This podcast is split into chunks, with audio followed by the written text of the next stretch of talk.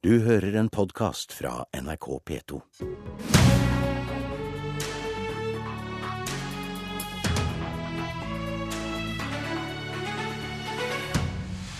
De mest omfattende endringene av Grunnloven siden 1814, sier Martin Kolberg. Stortinget splittet når endringsforslagene behandles senere i dag, men først tar vi debatten her i Politisk kvarter. God morgen, jeg heter Per Arne Bjerke. Om to timer begynner Stortinget sin historiske grunnlovsdebatt. Representantene skal ta stilling til flere forslag om at ulike deler av menneskerettighetene skal skrives inn i Grunnloven. Stortinget kommer bl.a. til å vedta en formulering om retten til utdanning, mens andre forslag om sosiale rettigheter og rett til helsehjelp blir blokkert av de to regjeringspartiene, fordi grunnlovsendringer jo krever to tredjedels flertall. Du kaller dette den mest omfattende endringen av Grunnloven siden 1814, leder i kontroll- og konstitusjonskomiteen Martin Kolberg. Hvorfor er det så viktig å få grunnlovfestet rettigheter som vi for lengst har i det norske samfunnet? Fordi eh, Grunnloven er den loven som eh, både danner grunnlaget for vår rettstilstand og rettsorden, men eh, også fordi at den er et veldig viktig signaldokument. Og det som vi skal gjøre i Stortinget i dag, er jo å diskutere hvordan Grunnloven skal gjenspeile dagens samfunn på en god og skikkelig måte. Det er en del huller i Grunnloven slik som den er utformet i dag. Og eh, for Arbeiderpartiets del så har det vært eh, maktpåliggende både å bli enig om det som kalles for de sivile rettighetene, altså de alminnelige sivile menneskerettighetene, men også da dette som kalles for økonomiske og sosiale rettigheter. Fordi vi ser på det som et hele. Og eh, det norske samfunnet i dag er jo et godt samfunn.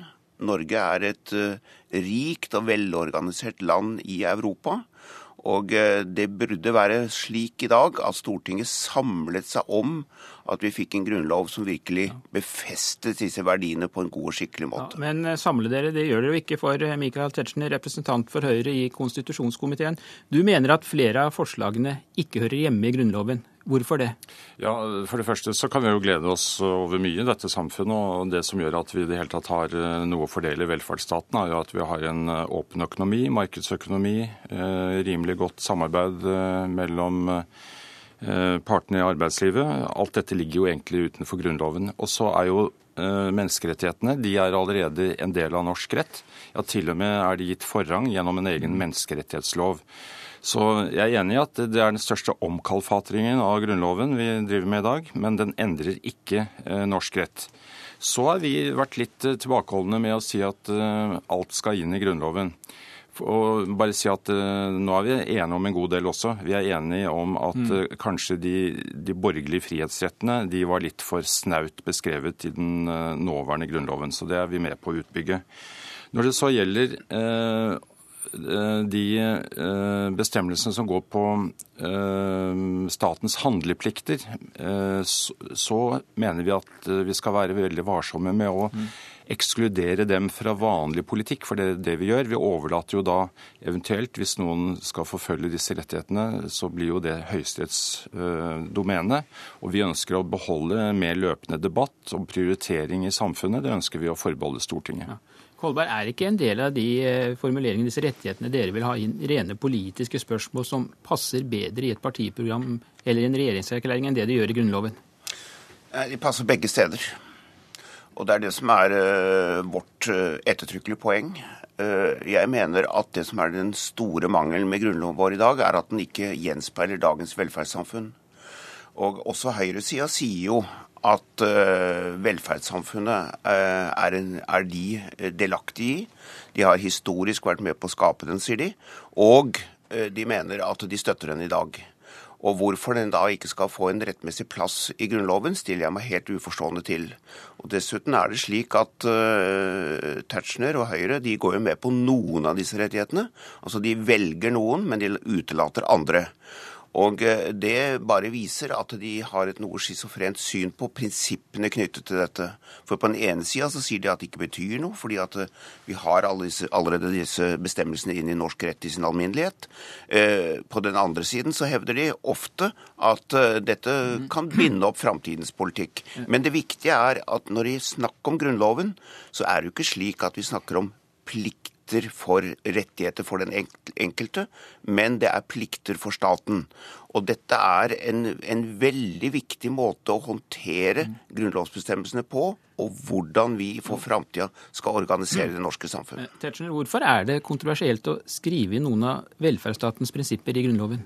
Nei, det er ikke kontroversielt, men det er et forskjellig rettspolitisk syn her. Og ved å skrive bestemmelser som allerede følges, og som allerede er en del av norsk lov, men som i dag ligger i menneskerettighetsloven. Og menneskerettighetsloven har faktisk også forrang fremfor andre regler.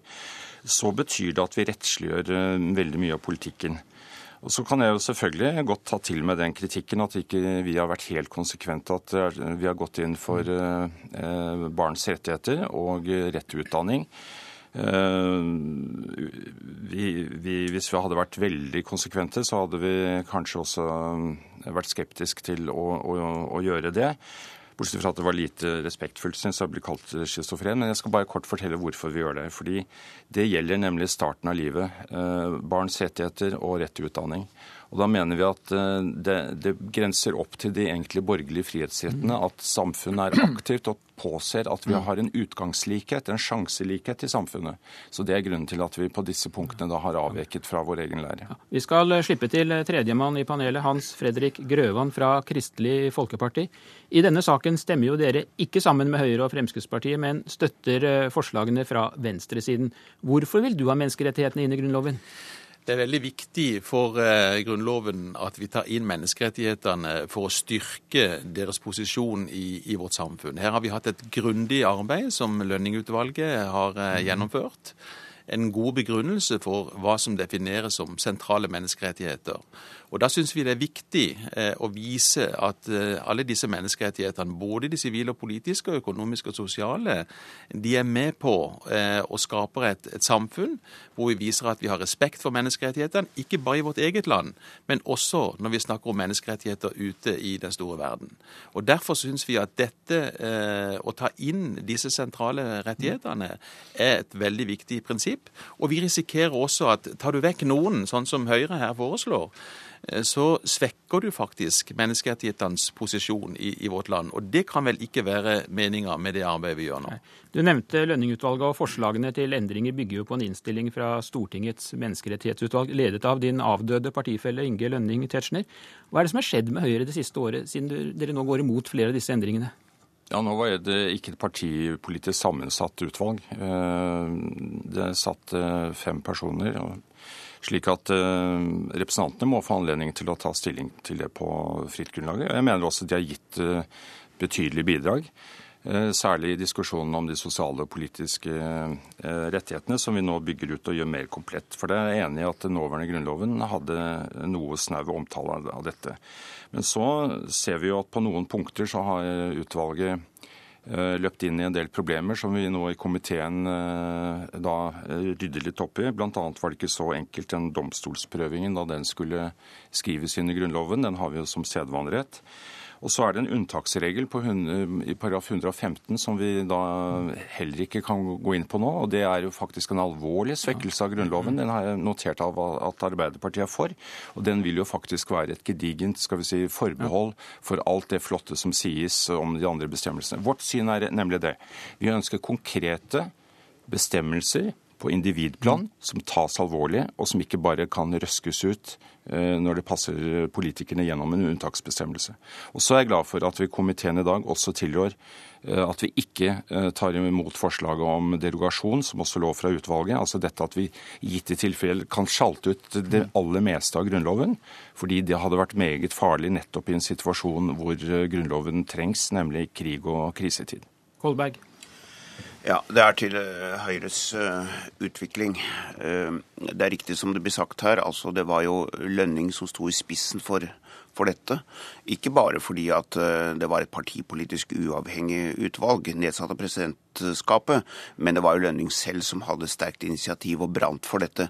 Og han satt jo midt inne i den tradisjonen som Høyre alltid har hatt når det gjelder forholdet til Grunnloven.